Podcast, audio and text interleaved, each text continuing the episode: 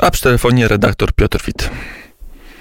E, witam pana, witam państwa. Wstrząs we Francji, potężny wstrząs, który przesłonił wszystkie inne, nawet ogłoszone wczoraj zarządzenia w sprawie nowego aresztu domowego całego kraju. Na ulicy w Conflans Saint-Honorin fanatyczny mahometanin uciął głowę nauczycielowi historii miejscowego gimnazjum. To jakby w samym Paryżu, miejscowość jest przedmieściem stolicy na linii ROR. Zbrodnia miała miejsce w wyjątkowej chwili. Od czasu wojny w Algierii i nigdy Francja nie znajdowała się w równie fatalnej sytuacji. Pandemia, głęboki kryzys gospodarczy, rosnące bezrobocie, krzyżąca nierówność społeczna, zapaść systemu oświaty i na tym tle coś, co jeżeli nie jest wojną religijną, to w każdym razie bardzo ją przypomina. Okładka najnowszego wydania tygodnika Marian przedstawia uciętą, krwawiącą głowę Republiki. Marian z podpisem w formie pytania, jak długo będziemy jeszcze korzyli się przed nimi. Nieszczęście chciało, że wszystkie klęski wybuchły jednocześnie. Rząd i media, mówiąc o zbrodni w Conflans-Saint-Honorin, podkreślały usilnie narodowość zabójcy, Czeczeńca. Każdą zbrodnię popełnioną przez Mahometanina zaleca się bowiem traktować jako przypadek wyjątkowy i odosobniony. To prawda, że Czeczeńców we Francji żyje niewielu, ale odosobnionych przypadków uzbierało się tyle, że stały się wielkim problemem społecznym i narodowym. Trzeba być skończonym idiotą, dotkniętym utratą pamięci, żeby tego nie zauważyć. Celem zwalczenia zła rząd Republiki uciekł się do czarów, do magii słów. Na bandytę należało mówić młody, żen, na mahometanina islamista. W Polsce przecież także nie wolno powiedzieć, że cygan cię oszukał, ale że Rom cię ocyganił. Na publistę Zemura, który mówi otwarcie o problemie, Republika rzuciła urok zaklinając go słowem faszysta. O Welbecku jeszcze tego się nie mówi, chociaż niewiele brakuje. Ale policjantów zaatakowało trzech Algierczyków. Jednego policjanta zabili. Ale Pakistańczyk rzucił się z nożem na dwie osoby przed dawną redakcją Charlie Hebdo. Jedną zabił. Ale bohaterskiemu pułkownikowi żandarmerii Beltramowi poderżnął gardło Algierczyk. Ale w kościele przy ołtarzu dwaj inni Algierczycy poderżnęli gardło staremu księdzu Amelowi, uwielbianemu przez parafian.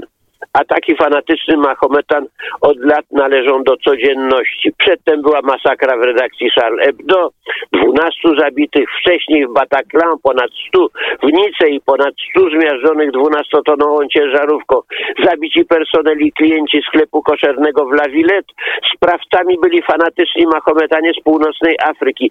Francja nie miała kolonii na Kaukazie. Problem jest na miarę liczby Mahometan we Francji. Według oficjalnych statystyk kraj liczy ich 8,5 miliona, może 9, powiedzmy 10 milionów. Największa wspólnota mahometańska w Europie. Drugie co do liczebności wyznanie. 2,5 tysiąca meczetów we Francji, 8 tysięcy imamów. Zbrodnia w Conflans-Saint-Honorin miała być egzekucją wymierzoną według mahometańskiego prawa szarii. Na zabitego nauczyciela Mahometanie rzucili fatłę, wyrok śmierci, za to, że pokazywał swoim trzynastoletnim uczniom karykatury Mahometa z Charlie Hebdo. Fatłę czytam w encyklopedii, może w praktyce rzucić każdy Mahometanin i każdy wierny ma obowiązek ją wykonać. Józef Fadel, Mohamed Al-Said Al-Musai, żyje we Francji pod fatłą od 19 lat. Potomek arystokratycznej rodziny irackiej w oczach wiernych zasłużył na śmierć, bowiem jego rodzina pochodzi od Mahometa, a on niewierny z żoną i dziećmi przeszedł na katolicyzm po gruntownym przestudiowaniu Biblii i Koranu. Inkubatorem fanatycznego mahometanizmu jest Mali w północnej Afryce ze stolicą Bamako. Drugie pod względem wielkości miasto malijskie na świecie nazywa się Montreuil. Jest przedmieściem Paryża, o sześć przystanków metra od opery. Montreuil liczy 11 miejsc kultu mahometańskiego dla wyznawców stanowiących ponad 30% ludności. Wielki meczet Al-Umma z wysokim minaretem może pomieścić 1400 wiernych. W sprawozdaniu Rady Dzielnicowej po masakrze Charlie można było przeczytać piątkowe modlitwy wieczorne transmitowane przez potężne głośniki, słychać daleko nawet przy zamkniętych oknach. Kaznodzieja tunezyjski Beshir Ben Hassen w wielkim meczecie na Montreju głosił swoją dobrą nowinę, cytuję, karą dla każdego, kto by znieważył proroka Mahometa jest śmierć. Powinien zostać poddany egzekucji. Było to pięć lat temu po masakrze Charlie Hebdo. Nauka dobrze zapadła w pamięć zabójcy nauczyciela, wówczas trzynastoletniego. Rocznie pomoc francuska dla Mali wynosi około 100 milionów euro, które dokładają się do sum przekazywanych przez ODC i inne międzynarodowe instytucje finansowe i organizacje dobroczynne.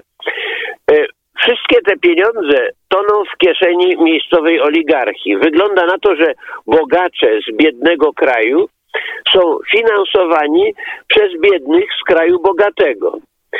Wyznawcy Mahometa stanowią znaczną część społeczeństwa francuskiego. Są wszędzie, w policji również. W Centrum Wywiadu Policyjnego w Roni funkcjonariuszka przekazywała tajne informacje narzeczonemu fanatycznemu Mahometa, Mahometaninowi. W prefekturze policji w Paryżu policjant Mahometanin zabił czterech innych policjantów, zanim sam został zastrzelony. Itd., itd. To pewne, że nieszczęsny nauczyciel przypłacił głową prowokację podjętą wobec 13-letnich uczniów, pokazując im karykatury Mahometa opublikowane w Charlie Hebdo. Niektórzy rodzice zapałali oburzeniem. Czy nauczyciel działał z własnej inicjatywy? We Francji są funkcjonariuszami państwa państwo gwarantuje im ciągłość zatrudnienia.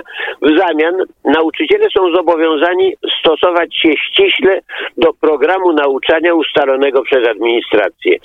Nie słyszy się, żeby zamordowany nauczyciel wykraczał poza okulniki ministerstwa i rektoratu, więc pewnie stosował się do programu.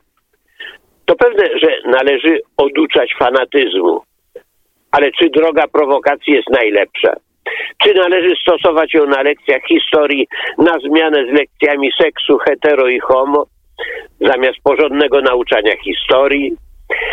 Jak uchronić młodzież od wpadnięcia w otwarte ramiona ajatollahów w sytuacji kompromitacji państwa i jego polityki gospodarczej? Czym zająć trudną młodzież w wieku poborowym, kiedy zlikwidowało się pobór? To wszystko są pytania, na które Francja będzie musiała sobie odpowiedzieć, jeżeli już nie jest za późno. Wczoraj Trybunał Rozrachunkowy, tutejszy NIK, opublikował raport. Wynika z niego, że wbrew zapowiedziom prezydenta i rządu, merowie i kandydaci na merów i deputowanych ustępują Mahometanom we wszystkim, w miejscowościach, gdzie ci ostatni stanowią potężny rezerwuar wyborczy, jak na przykład w Conflans-Saint-Honorin. Powiedział Piotr Wit prosto z Paryża, Kronika Paryska. Panie redaktorze, dziękuję bardzo. Dziękuję, do usłyszenia. No, a skoro mówiliśmy o Paryżu, skoro mówiliśmy o Francji, to może teraz trochę po e, francusku i po parysku zagramy.